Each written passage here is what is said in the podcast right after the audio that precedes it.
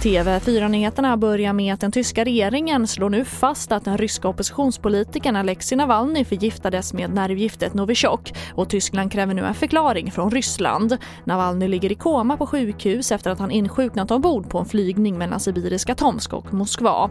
Och mer om det här på TV4 Play. Och den 37-åriga man som greps i juni och som har erkänt det uppmärksammade dubbelmordet i Linköping 2004 åtalades idag. Enligt stämningsansökan utförde 37-åringen morden med uppsåt och i förhör har han sagt att han fick en bild i sitt inre som gav honom en tvångstanke att döda. Samtidigt ska de båda offren, en 8-årig pojke och en 58-årig kvinna, ha varit slumpvis utvalda. Och mer om det här i TV4s kvällsnyheter klockan 22. Och restriktionerna för 70-plussare kan komma att lättas under hösten om smittspridningen av covid-19 fortsätter minska, det säger statsepidemiolog Anders Tegnell.